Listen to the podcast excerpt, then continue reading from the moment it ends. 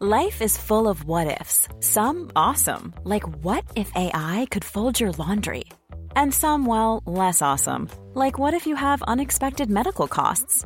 United Healthcare can help get you covered with Health Protector Guard fixed indemnity insurance plans. They supplement your primary plan to help you manage out of pocket costs. No deductibles, no enrollment periods, and especially no more what ifs. Visit uh1.com to find the Health Protector Guard plan for you.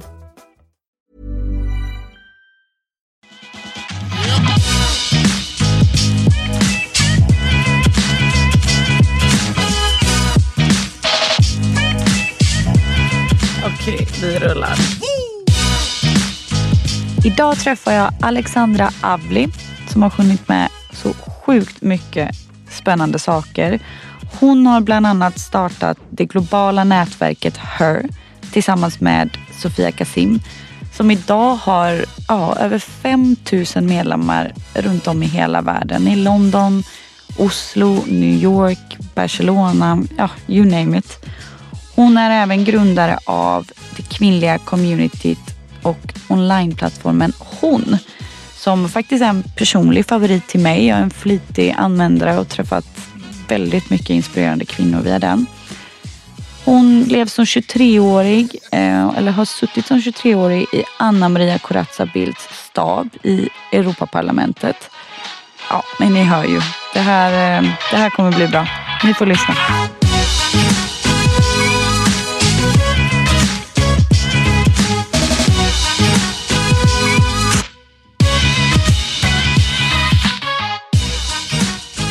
Välkommen hit.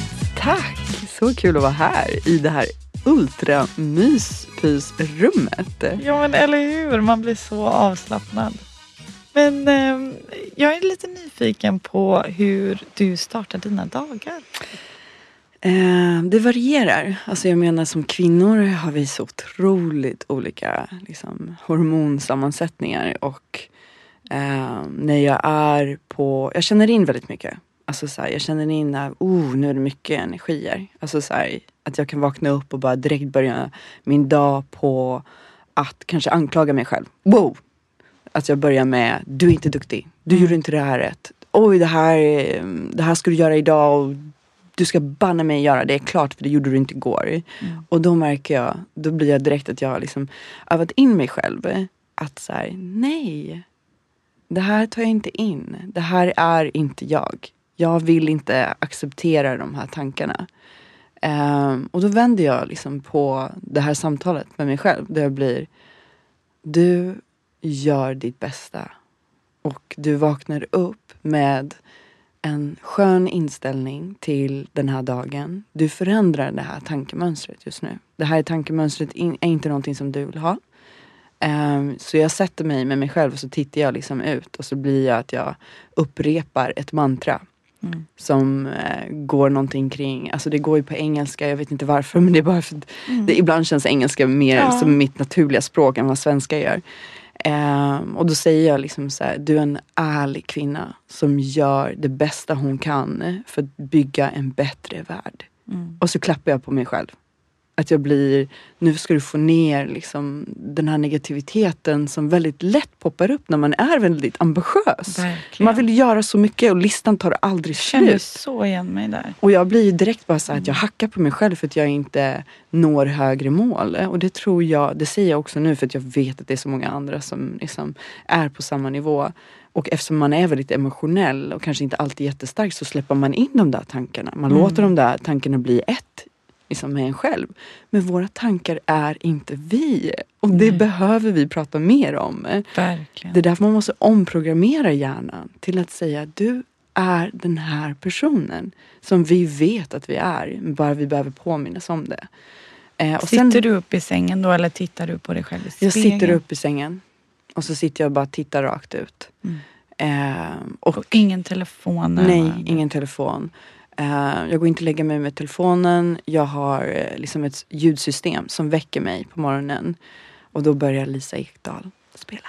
Åh, jämfört med den här hemska iPhone. Exakt! Den stress den ger ju en liksom hjärtinfarkt fortfarande. Ja. Nej, jag, det värsta jag vet är de här iPhone eh, liksom, väckarklockorna. Ja. Usch, Jag börjar med liksom Lisa Ekdahl, öppna ditt eh, fönster varje morgon. Oh.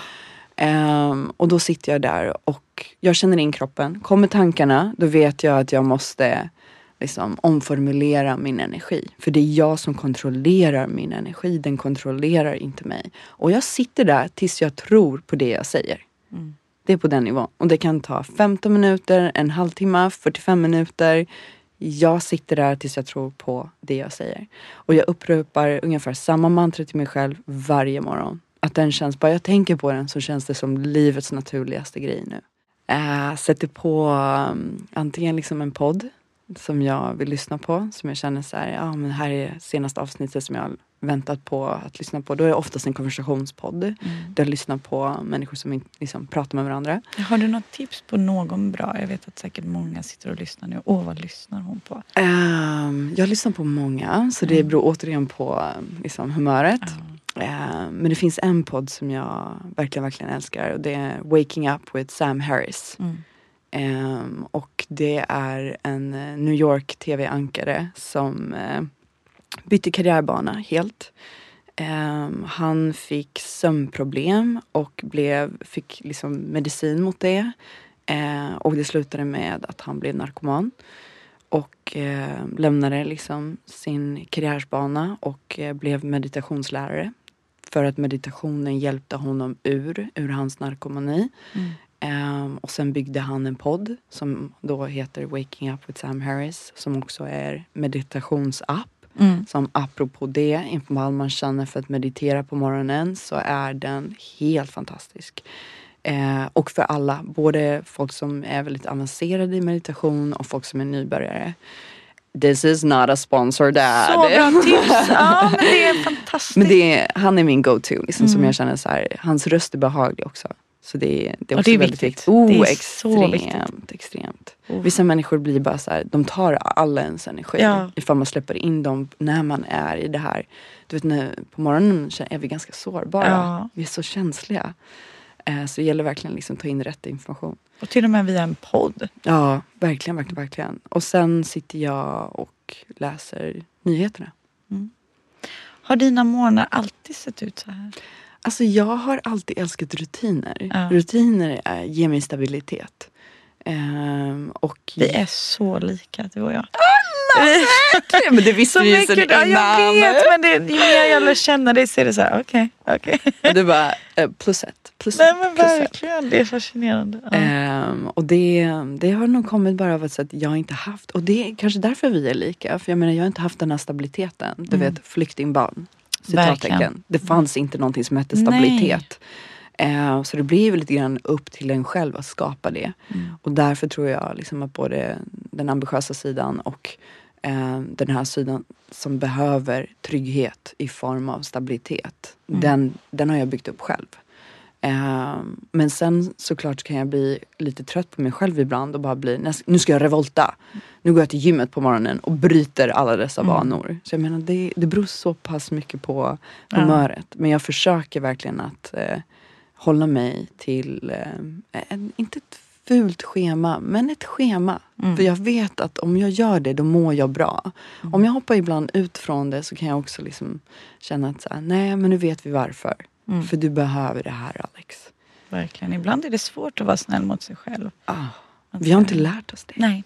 Jag menar egentligen skulle det inte vara svårt ifall vi hade lärt oss det. Mm. Vi har bara lärt oss från samhället, från strukturer, från system att klandra ner på oss själva. Mm. Vi är ju liksom som människor är vi ju Alltså om man går tillbaka i historien så är vi styrda av de sju dödssynderna. Mm. Det är ju så vi opererar fortfarande. Kyrkan kom ju till för att skydda oss från mm. de sju dödssynderna. Och liksom än idag så om man inte inkorporerar en, liksom, a belief system, en trygghet i en tro så kan man hamna så extremt mycket utanför och må så dåligt. Mm. Så det är ju, vissa människor är fast i ett system som inte är bra. Vissa människor är fast i ett system som leder dem till eh, att sluta tänka själva och bara följa. Och sen finns det de som håller på att vakna upp och bara känner att vad är mitt system? Mm. Där jag kan vara snäll mot mig själv, där jag vet vad som får mig att må bra.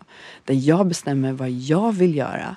Mm. Eh, så allt det här känns ju lite grann som att så här, idag kan jag prata om detta och folk kan relatera till det. Men jag har ju alltid varit lite grann som person. Det här är mitt liksom DNA. Och innan har man tänkt bara, oh Alex du har varit lite för mycket på Ibiza eller lite för mycket på Bali. och vi alla andra är här liksom, i, i, en annan sfär. Så jag tycker det är så avkopplande att kunna verkligen prata. Liksom. Att folk börjar förstå.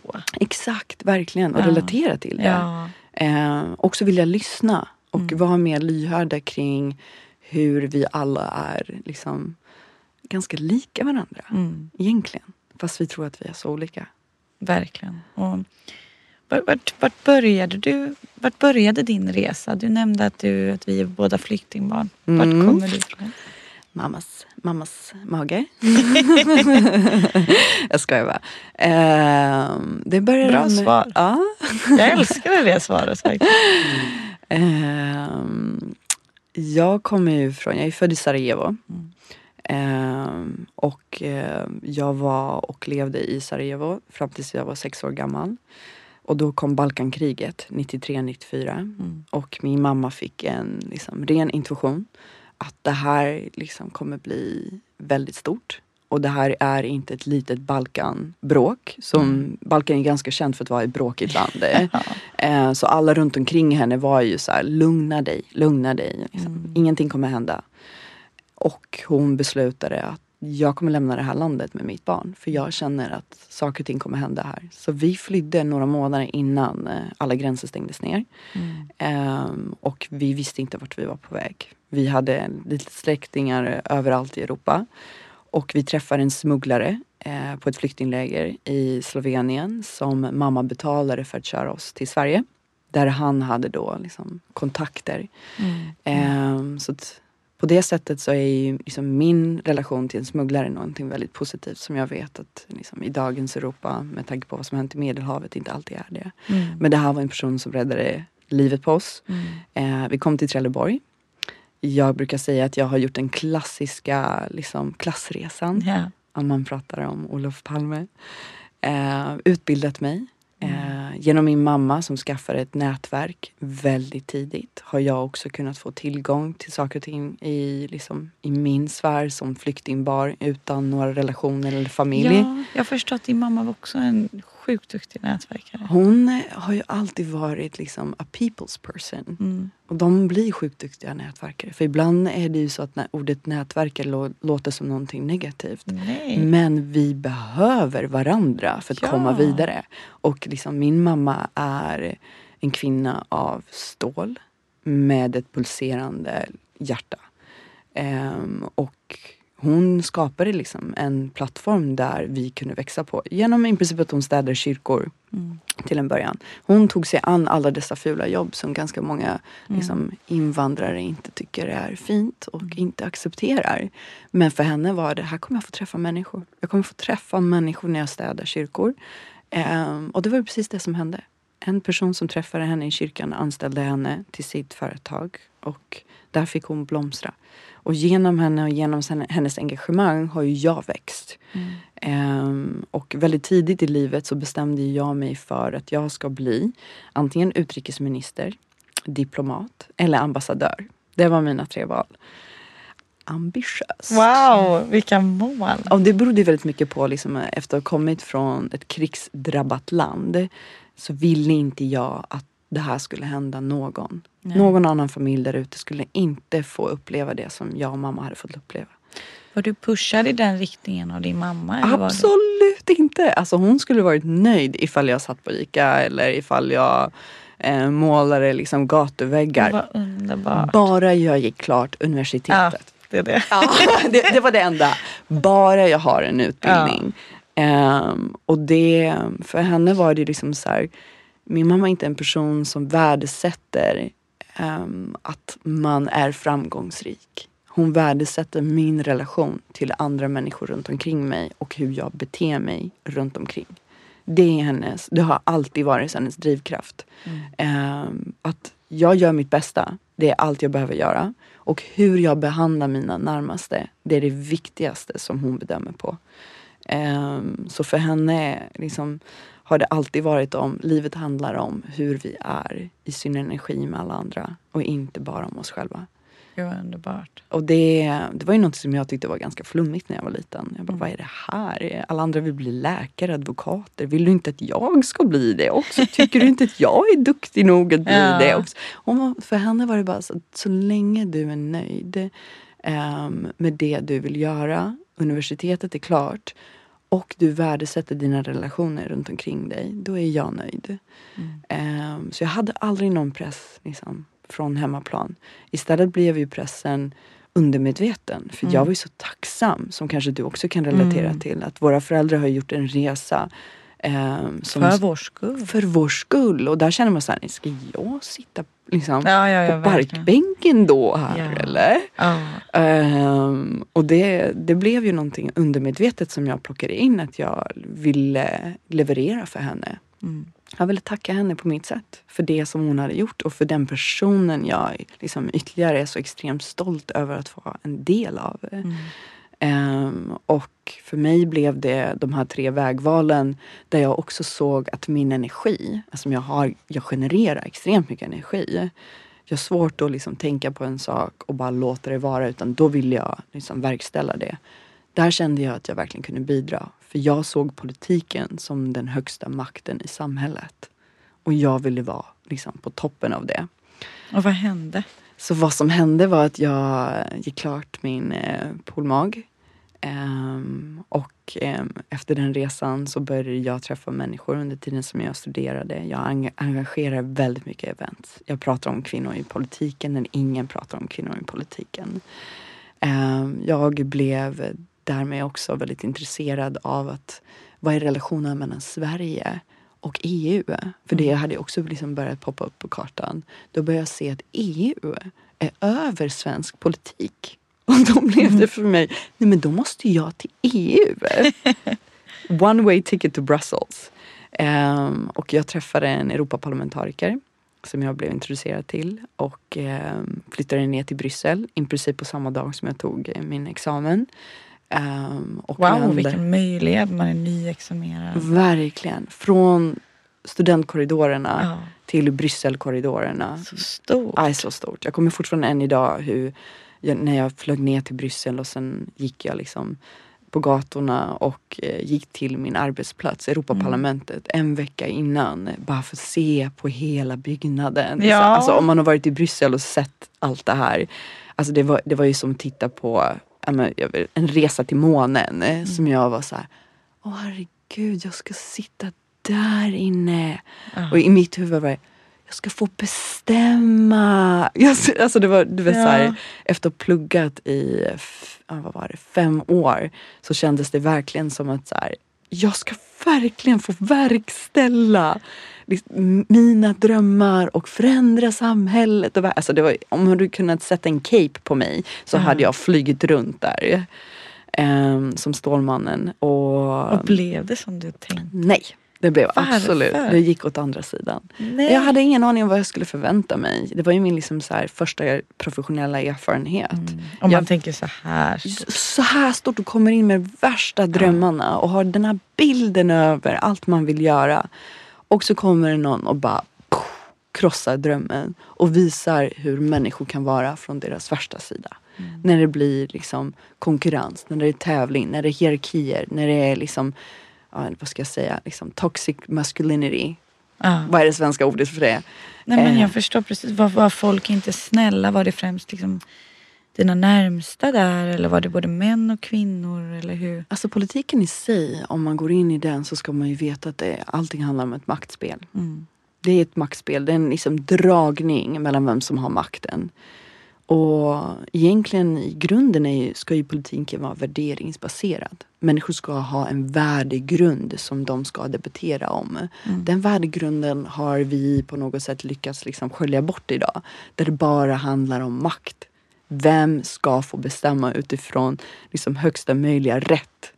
Ehm, och liksom det intresset var för mig, det sviktade när jag började se att oj, folk vill inte samarbeta på de här frågorna. Mm. Utan det handlar om vem vinner och vem förlorar. Mm. Och när det blir vem vinner och vem förlorar, då är det ett nollsummespel. Ja. Och jag ville aldrig vara- ta del av ett nollsummespel. Jag tror inte på det. Jag tror på liksom, att vi kollektivt kan jobba tillsammans Ja, ja, för en värdegrund. Och såklart har vi olika perspektiv på hur vi ser på värdegrunden. Mm. Men det betyder inte liksom, i de här hårda dragen att alla behöver förlora. Nej. Och vissa få behöver vinna. Ehm, Ja, vad är det stora syftet? Vill man lyckas själv eller vill man att, att ens mål ska uppnås med det Exakt. stora hela? och det var det jag började se. Jag började se att det handlar bara om att lyckas själv. Mm. Att de alla var där för att lyckas själva. Och det är ju inte det politiken handlar om. Nej, och det är inte alls det. Liksom, egot på något sätt måste vara närvarande för det finns hos oss alla. Det är, om vi behandlar det bra så är det någonting fint. Men i vissa former så måste egot tas ner för att man ska förstå att det här är bättre för oss alla. Och det var min första dragning. Min andra dragning var att jag började se att wow, eh, kvinnor är väldigt taskiga mot varandra. Mm. Oh, alltså, jag kom in på ett kontor som var liksom dominerat av kvinnor och jag trodde att det här skulle vara liksom helt fantastiskt. Liksom till skillnad från många av de andra kontoren där det bara var snubbar. Ehm, Som ofta är ganska schyssta mot varandra. Exakt. För de bygger relationer. Mm. De vet hur de ska hålla varandra om ryggen. Verkligen. Ifall the shit breaks liksom, the Mm. roof. Ehm, och jag fick uppleva att vi inte alls gjorde det. Att vi drog undan stolen för varandra. Eh, så tänk då liksom politiken i första rummet är ett maktspel. Sen kommer jag in i ett annat maktspel som handlar om hur könen är mellan varandra. Mm. Som är liksom en ytterligare dimension av maktspelet. Men den här gången bara mellan kvinnor. För att vi har ju, jag förstod ju inte det här då. Jag var ju liksom ett barn i ett cirkus som det kändes som. Ehm, så när jag, när jag liksom tittade tillbaka på det så började jag förstå att så här, som kvinnor har vi lärt oss ett system av att vara professionella. Vi har lärt oss att bordet inte bjuder in oss. Att det finns en plats runt bordet. Och att ja, några är välkomna att sitta ner. Så ni får bestämma vem av er ska sitta ner. Ja, slåss en, om ja, slåss om den. Som ett gäng höns. Ja, Och verkligen. bokstavligen gör vi det. För att Ja. vi har alla kämpat dit, Exakt. till det bordet. Vi alla förtjänar att sitta ner. Det. Ja. Exakt. Och det är liksom, om jag tänker nu i efterhand så blir jag nästan inte arg på att, det, liksom, att jag blev mobbad av Man blir andra nästan kvinnor. less. Jag, blir, jag, jag menar, jag, jag förstår nu. Ja. För jag förstår att systemet tvingade dem till att göra det. Mm. Och det är nog liksom för mig den insikten när jag började se att så här, som kvinnor behöver vi bli liksom avkonditionerade det här. Vi måste förstå det finns ingen, ingen begränsning. Vi kan alla sitta ner ifall vi vill. Bara hämta upp fler stolar och så sätter vi oss ner.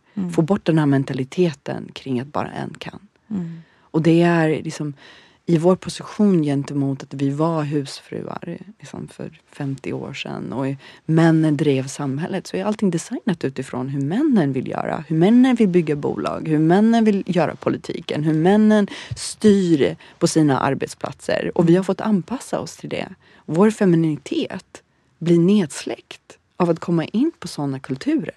Och det är egentligen liksom en kulturskillnad som behöver hända. Och för mig gick det ju två år i Europaparlamentet av att jag blev mobbad. Och att jag fysiskt blev, eh, eller psykiskt menar jag, att jag psykiskt blev utsatt för den här terrorn i huvudet. Som jag var alldeles för ung för att förstå vad som egentligen pågick. Och jag är i Balkan. Om du slår på mig vid den tiden, Ja. oh, jag blev ju liksom en rocket star. För att jag visste att hela tiden fanns det människor bakom mig som ville slå ner mig. Och då blev jag utrustad liksom till max kring allt. Det finns inte en chans att någon kan skjuta åt något håll. För jag liksom, I got it all. Men innerst liksom, inne om du tittade på mig, som när min mamma kom och hälsade på mig. Alltså, jag sov i hennes famn under tiden som hon var i Bryssel och hälsade på mig. Vi gjorde liksom ingen sea-sighting. Eh, f- för att jag var så emotionellt helt uttorkad av att slåss hela tiden. Och hon fick ju mig att säga upp mig därifrån. Hon sa ju att så här, nej, du har kämpat klart här. Det, det här är inte din plats. Eh, annars hade jag fortsatt. Du hade det? ja, Du jag hade såg inte det krigat. själv? Ja, men jag hade krigat. Jag hade krigat för att jag, för mig var det ehm, att jag inte insåg vad som egentligen pågick. Jag förstod inte systemet. Det tog mig tid att förstå, förstå i efterhand när jag tittade tillbaka. För jag blev eh, också helt, hur ska man säga, helt fången av att lösa det här. Det var en problematik. Mm. Och jag, jag är en systemperson. Problemlösare och systemperson. Jag ville veta varför vi behandlar varandra på det här sättet. Och där liksom växte ju hela, vad ska man säga, Alexandra idag till. Mm. Där jag satt väldigt mycket och började dra paralleller och dragningar från andras upplevelser. Andra kvinnor på arbetsplatser eh, runt om i liksom alla diverse industrier. Började fråga dem, hur är er kultur? Hur jobbar du med andra kvinnor? Hur anser du att vi är mot varandra? Och samma svar kom oavsett vem jag frågade. Vi konkurrerar med varandra. Ja, men det är Alex, det ska du acceptera bara. Mm. Det är liksom, vi är så i naturen. Mm. Och för mig var det nej, vi är inte så i naturen.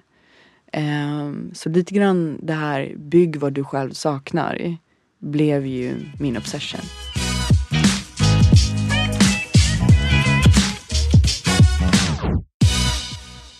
Och därmed liksom startade jag och Sofia Kasim som träffades då när jag jobbade i Europaparlamentet och hon jobbade för Per Schlingman mm. och drog igång eh, våra middagssamtal med Her Global Network. Och där var det viktigt för oss att försöka få kvinnor att förstå att vi har en trygghet i varandra. Vi behöver inte se varandra som fiender. Vi behöver varandra för att dela erfarenheter, för att dela det som är kvinnlig styrka, som är vår sårbarhet, som hade helt försvunnit ur arbetsmarknaden. För att vi har alla anpassat oss till att vara de här liksom, stereotyperna av en manlig professionell person. Verkligen. Som inte alls motsvarar vem, vilka vi är och vilka drag vi har och vilka styrkor vi har. Som är mer de mjuka värderingarna. Det hade vi fått höra liksom, det var fult. Det ska man hålla hemma. Så vad gick middagarna ut på då? Det kan jag tänka mig att man lyfter fram mer. Att man skulle dela sin sårbarhet. Mm. Att man skulle dela hur man mådde. För inte någon annanstans i samhället bjuds kvinnor in till att dela vem man är när man inte är sin titel. Exakt. När man inte är en tjejkompis, när man inte är en flickvän, när man inte är en anställd. Vem är man då? Mm. Och det här blev ju liksom en revolution som vi själva inte förstod hur stor och global den skulle bli. Ja, nu är det, då förstår ni efterfrågan på det här. Ja, verkligen. Något så extremt. Men också, det här var ju 2014. Mm. Det fanns ingen Brené Brown då. Så vi var ju liksom, det kändes som ett gäng hippies i modern tappning. Hur stort är det idag? Så idag, vad som hände liksom på de här åren var ju att inom loppet av tre år så hade vi vuxit i 23 olika städer.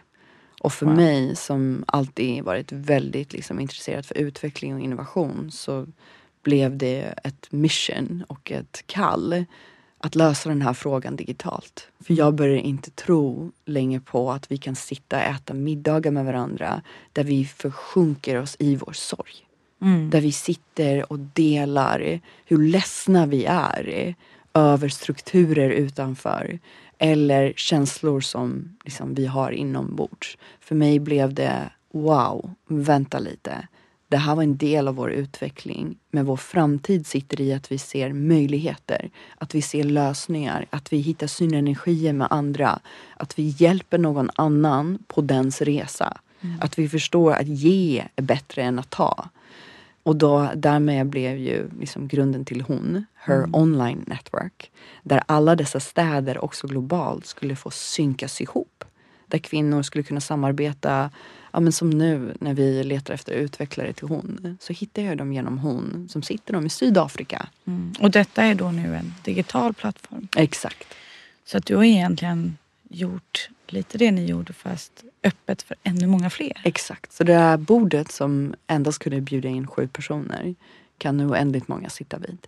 Mm. Och därmed har jag knutit liksom min resa från det som hände mig vid att inte få plats vid det här maktbordet. Eller få plats men knuffa ut alla andra till en liksom revolution, revolutionerande sätt att tänka kring att alla kan få plats runt liksom, mm. maktbordet. Är det din vision med hon? Ja, det är det. Att varenda kvinna ska inse sin egna potential och liksom inse hur pass mycket hon behöver andra för att liksom hitta sig själv i den här världsresan som vi alla är på. Mm. Och att det är liksom vår närhet till andra som vi lär oss mest om oss själva. Och att möjliggöra det, vare sig man sitter i Sverige, i Singapore, i Frankrike, i USA. Att hitta de här relationerna med andra som också är på den resan och lära oss av varandra. Och därmed också öka att kvinnor samarbetar mer. Och inte behandlar varandra som offer. Att vi är offer i det här manssystemet. Det är det värsta jag vet. Det är på, inte på något sätt vill jag beröra liksom, offerkoftan. Utan jag vill bara prata om våra möjligheter när vi skapar dem tillsammans. Både affärsmässigt, att vi får jobberbjudanden som inte är de här ja, men, advokat ehm, eller sjuksköterska eller läkare eller ehm, något Klassiska. klassiska professionella titlarna. Utan att vi hittar nya titlar. Att vi hittar nya sätt att bygga bolag på. Och det kan vi endast göra ifall vi har ett nätverk för att göra det. Och kan du inte berätta lite, jag vill ändå grotta in oss lite på hon så att de som lyssnar som inte är bekanta med appen förstår hur många, för jag är personligen en användare och har gått på härliga luncher med andra i min position för att dela tankar, dela frustration, tips och råd. Men det är inte bara det. Det, här är, det här är till för så mycket mer. Eh, och den är tillgänglig över hela världen. Ja. Eh, kan du inte berätta eh, lite mer om, om alla möjligheter som faktiskt finns med appen? Ja, så vi har ju velat bygga en social media liksom, plattform som inte är LinkedIn. Så det var ju väldigt mycket så här kring vår filosofi kring att bygga hon handlar om vad vi inte ville bygga. Vi ville inte bygga mental ohälsa. Vi ville inte bygga att kvinnor skulle jämföra sig med varandra. Vi ville inte bygga att det handlar om hur många vänner jag har jämfört med någon annan. Vi ville Underbart. inte bygga att du har pluggat på de finaste universiteten liksom, i världen. Ehm, vi ville inte bygga på att det fanns något sätt för dig att bygga en hierarki inne i hon. Utan alla var connectade. Alla är vänner. Alla har connections. Ehm, och därmed vill vi också liksom erbjuda våra medlemmar att starta konversationer som de var intresserade av att ha med alla kvinnor i världen. Eh, både lokalt och globalt. Och det gjorde vi genom våra roundtables, kallar vi dem för. Så det är en, liksom, en funktion i hon som kan tillåta vem som helst att starta roundtable talk.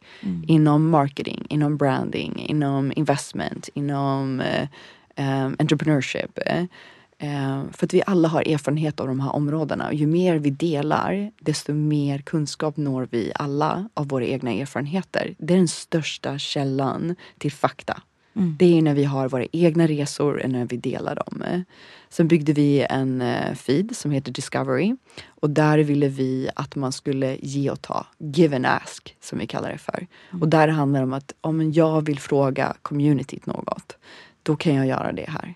Men du kan inte se vilka som har likat den här posten. Du vad kan lika posten, men du kan inte se vilka som har likat din post. Och det är, det är någonting som vi ville behålla bara till den personen som har gjort inlägget. Den kan se. Eh, men i övrigt kan inte andra se. För det är där vi går in och börjar jämföra oss med varandra. Och det blir så prestationsbaserat. Exakt. Så den personen såg mig, den här personen såg mig inte. Vi behöver inte mer sånt. Nej, vi behöver bara känna oss sedda. Ja. Det är det vi vill.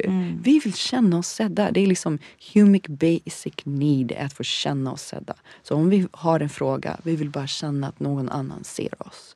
Och sen är funktionen att man kan så- såklart liksom få hjälp på den eh, posten. Ehm, sen har vi vår community liksom, tab och där kan man söka på en industri som folk är i. Så säg marketing eller em, VC eller affärsänglar eller em, utvecklare. Och genom att man söker i community tabet så får man upp alla kvinnor som jobbar inom den här industrin. Och där vill vi möjliggöra att om du bygger bolag eh, och du söker affärsänglar, då kan du lätt hitta dem. Eller du är intresserad utav ett mentorskap och du söker på någon i din industri och du kan ta kontakt med dem. Sen har vi vår eh, Learn, som vi kallar den för, och det är våra events.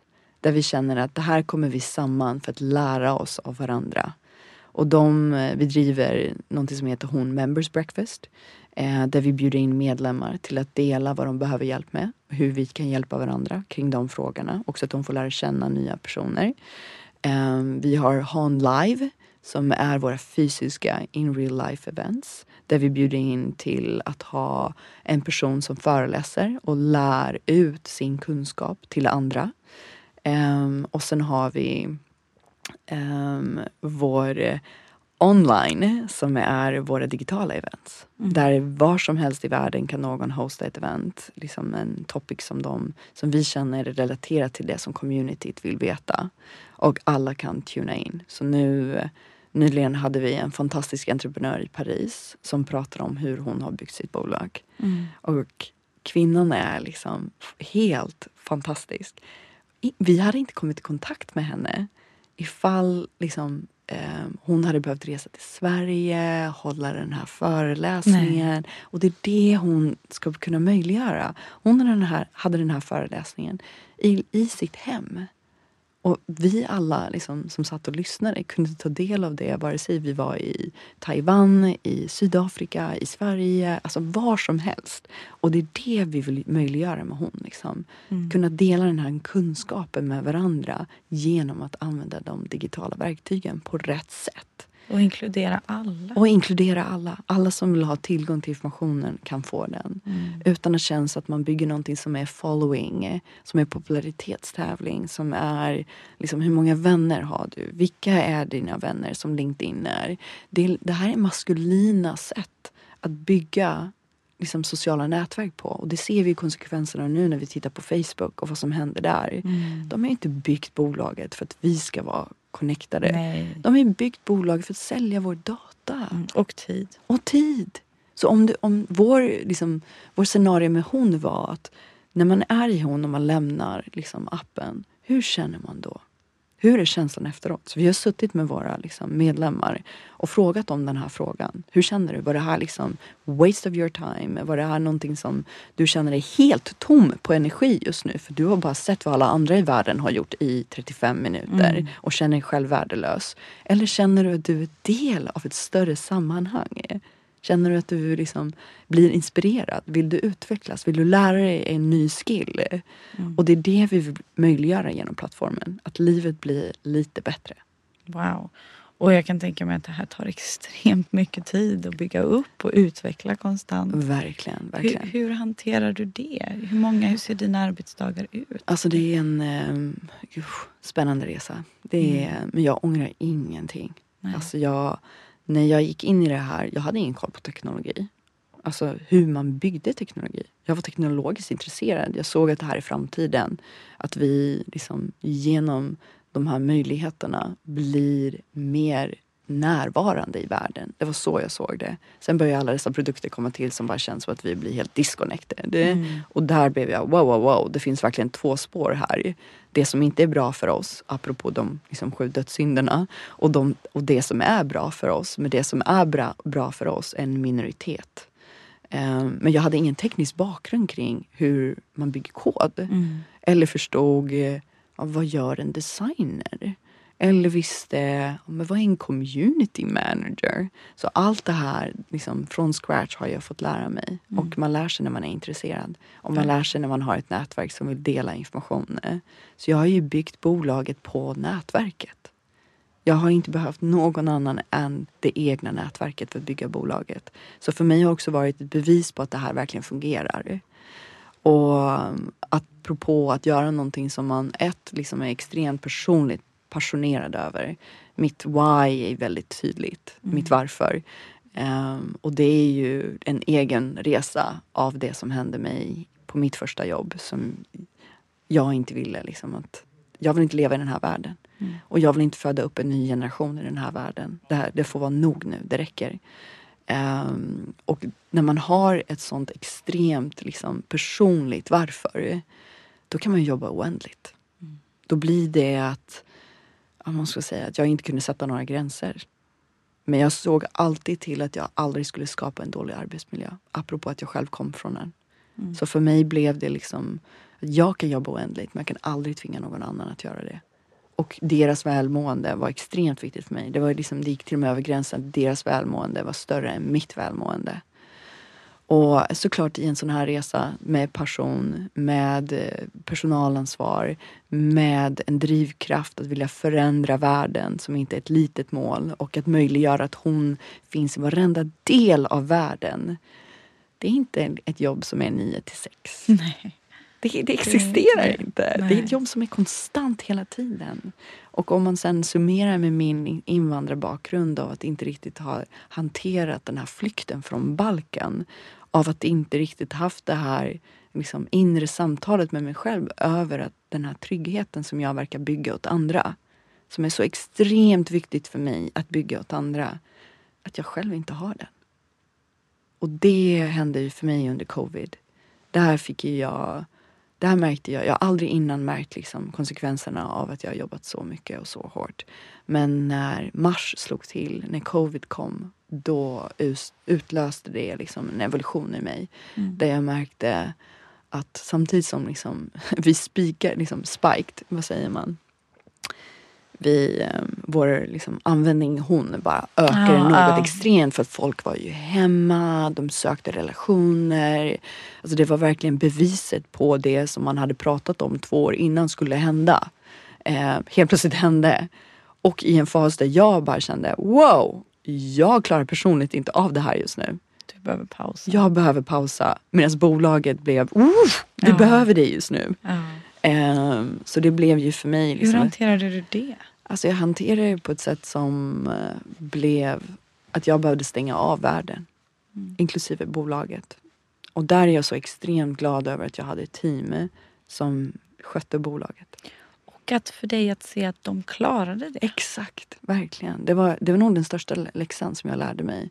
Att jag kanske inte behövs. För jag har byggt upp en struktur av att det, det finns liksom, människor som vet vad de ska göra.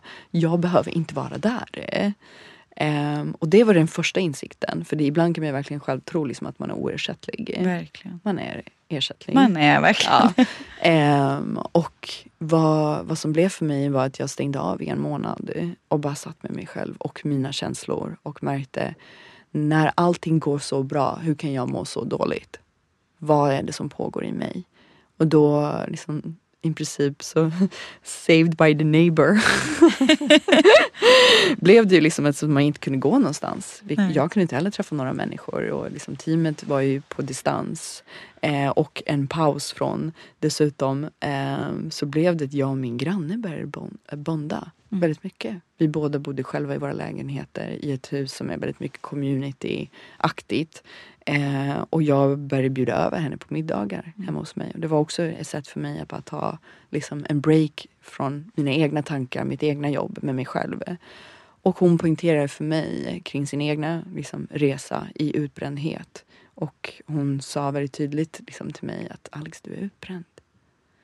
Och jag var nej, nej det är inte alls det. Nej, man vill inte Nej, liksom... nej, nej. Det, det, jag är passionerad. Mm. Ehm, och hon bara, nej, du är utbränd och det är okej. Och sen så gav hon mig tips på en bok som hon tyckte att jag skulle läsa. Och hon lämnade boken liksom, hemma hos mig. För hon Vad märkte, hette den? ehm, prestera utan press. Åh, Helt magisk bok. Ehm, och jag tittade på den boken efter hon hade liksom lämnat min lägenhet. Och jag bara, det där är inte jag. Så jag flyttade på boken Mm. och jag bara la den liksom på en annan plats. Gick jag och öppnade min produktbok istället. How Mm. to build a product. Classic. Eh, Måste lära dig något. Exakt. Maximera tiden. Maximera tiden när du nu ändå är frånkopplad jobbet. Ehm, och eh, så sneglade jag på den där boken och bara kände så här. Jag kanske ska bara öppna en sida. Jag vill bara se vad hon menar. Mm.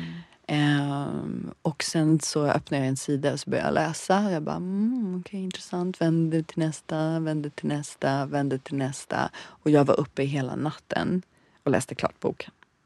Wow. Och för mig blev det liksom så extremt mycket igenkänning. På en nivå som liksom jag inte alls hade förväntat mig att det här skulle väcka. Det var liksom helt revolutionerande. Jag satt och tog fram papper och penna och började skissa. Eh, hur ser mitt liv ut? För den här författaren till boken är en psykolog som pratar jättemycket om självkärlek är grunden till utbrändhet för många kvinnor. För mm. vi är väldigt känslosamma. Och vi kan inte separera det professionella från det privata. Att det går i hand i hand för oss. Ehm, och hon talar väldigt mycket om de här tre systemen som är trygghetssystem, drivsystem och hotsystem.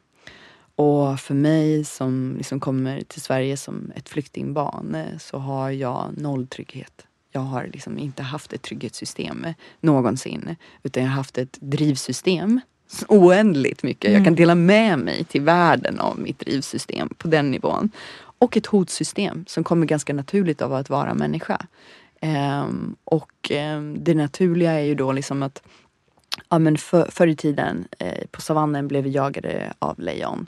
Idag är våra hot att eh, vi inte blir sedda på Instagram vi får inte den där liken av en person som vi känner, som vi vill ska se oss. Mm. Vi kommer till ett event och den, liksom, ingen pratar med oss.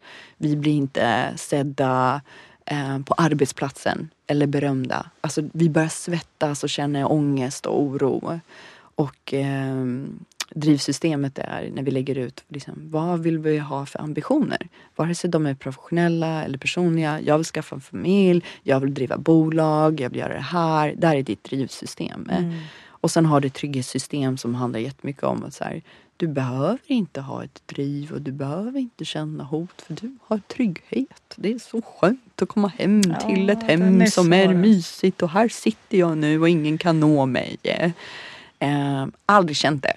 Någonsin. Jag är väldigt dålig på det där också. Alltså när mina vänner har suttit och inredat sina, inrett sina fantastiska lägenheter i Stockholm och jag har bara Eh, varför? Mm. för mig har det bara blivit, varför gör du det här? Varför spenderar du pengar på det här? Var, varför är det här en prioritering ens? Eh, kom igen, ut och jobba! Vi ska bygga! Mm. Vi ska skapa saker! Mm. Eh, och jag bara tyckte att så här, oh, that's a lazy person. Mm. På något sätt i, i huvudet. Eh, så, såklart så är ju det inte fallet. Nej. Utan eh, det är en person som är väldigt liksom om, mån om att känna och vara i sin trygghet. Vilket jag då aldrig har gjort. Men jag har varit väldigt bestämd kring att jag ska bygga trygghet åt andra. En klassisk, du bygger det som du själv saknar. Mm. Och du behöver liksom form formatera det som du själv saknar. Och det är inte kärlek mot sig själv. Nej. Det är mot andra. Exakt, verkligen. Det är ingen ego. Jag har liksom inte så mycket ego. Det handlar inte för mig om att så här, jag ska bli profilerad som eh, liksom, eh, Ruth eh, Ginsburg. Nej. Alltså det är inte det. Utan det, för mig handlar det bara om att jag vill visa för mig själv mm. att det här är ett behov eh, som många människor har. Och jag kan vara en del av att skapa det. För jag mm. vet hur jag vet hur komponenten av den här designen mänskligt behöver se ut. För att jag själv har ett sånt behov av det. Mm. Och det var ju min drivkraft. Men började du bli snällare mot dig själv efter den här insikten? Extremt mycket snällare. Extremt mycket. Men det var en resa. Det var mm. inte någonting som eh, bara gick över en dag. Nej. Men jag trodde det. Eftersom jag är liksom den här drivpersonen. Och jag är så likadan. Ah, och det är som man vill ha det imorgon. Liksom. Ah, ja, ja, jag var bara, imorgon är jag klar med det här. Ah. jag är så snäll mot mig själv nu. Jag gör det här idag. Ah. Och imorgon är det...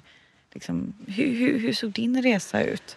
Alltså den blev ju, alltså, höll på nästan säga att jag schemalade den apropå att gilla rutiner. Men vad jag gjorde var ju att jag varje liksom, morgon började gå igenom med mig själv de här mantran. Mm. Liksom, att jag är värdig en trygghet. Jag är värdig att känna kärlek till mig själv.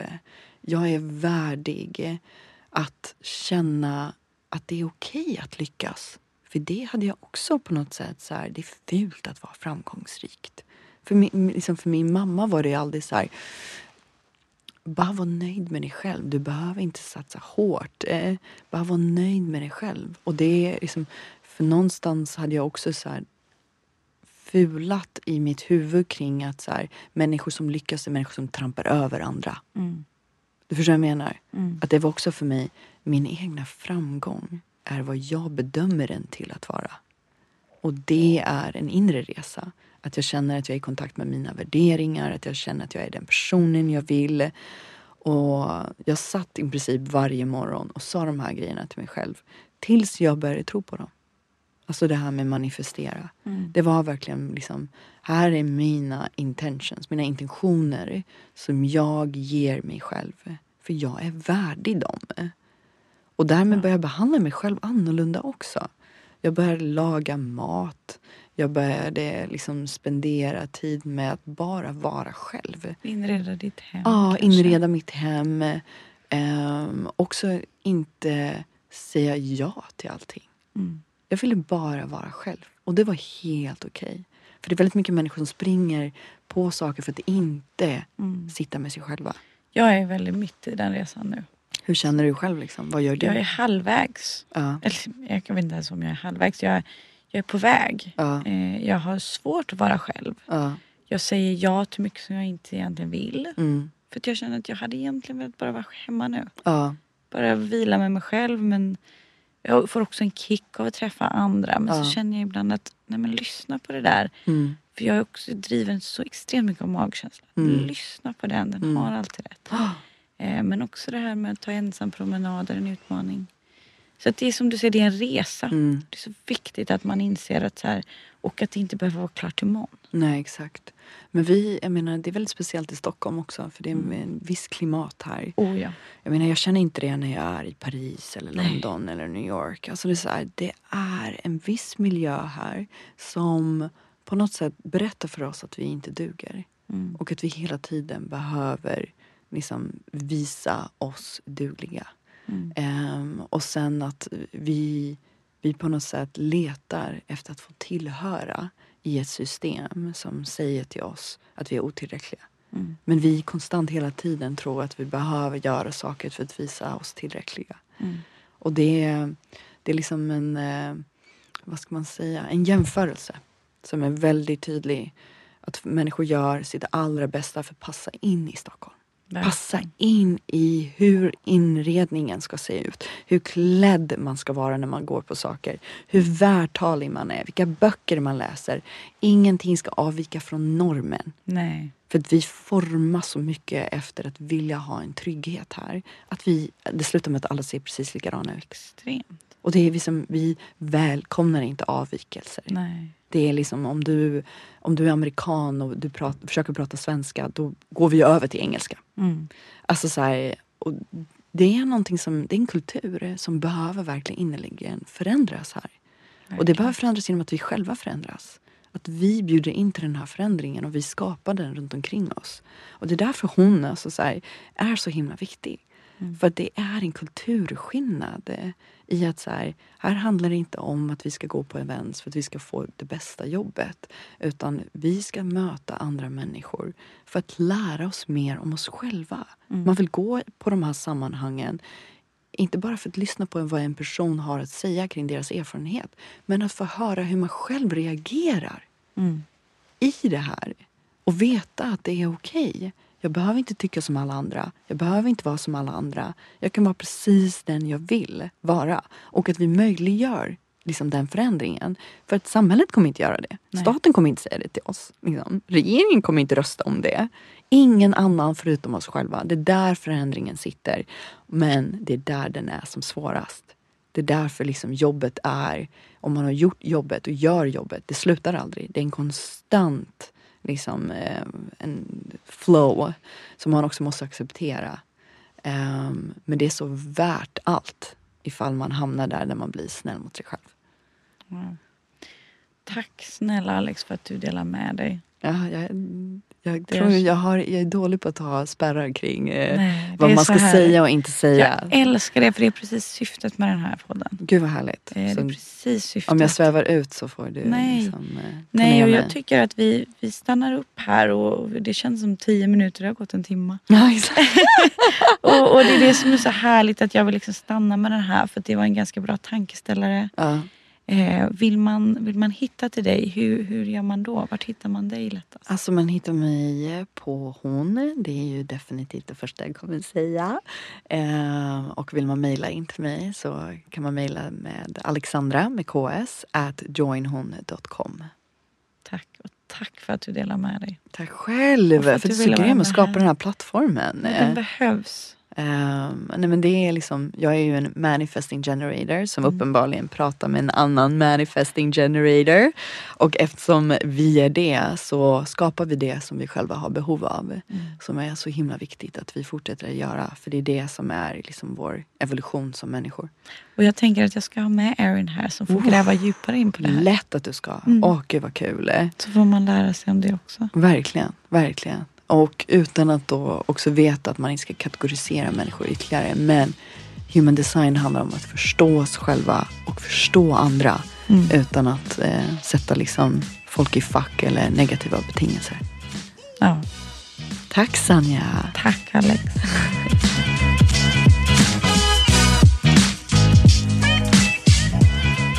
Jag spelar in den här podden på coworking spacet Helio GT30 där jag sitter och arbetar om dagarna. Det finns på flera ställen i stan så letar du efter en härlig kontorsplats så kika gärna in på helio.se för att se vart de finns runt om i stan. De har även eventlokaler, mötesrum eller den här poddstudion om man skulle behöva det. Eh, sen också väldigt viktigt, världens bästa personal.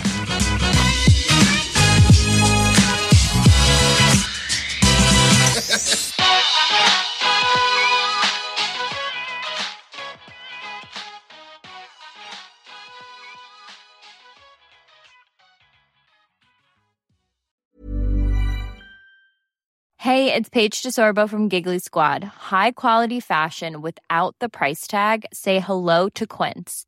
I'm snagging high-end essentials like cozy cashmere sweaters, sleek leather jackets, fine jewelry, and so much more. With Quince being 50 to 80% less than similar brands. And they partner with factories that prioritize safe, ethical, and responsible manufacturing. I love that. Luxury quality within reach. Go to quince.com slash style to get free shipping and 365 day returns on your next order. Quince.com slash style. Planning for your next trip? Elevate your travel style with Quince. Quince has all the jet setting essentials you'll want for your next getaway, like European linen, premium luggage options, buttery soft Italian leather bags, and so much more. And is all priced at 50 to 80% less than similar brands. Plus, Quince only works with factories that use safe and ethical manufacturing practices. Pack your bags with high-quality essentials you'll be wearing for vacations to come with Quince. Go to quince.com/pack for free shipping and 365-day returns.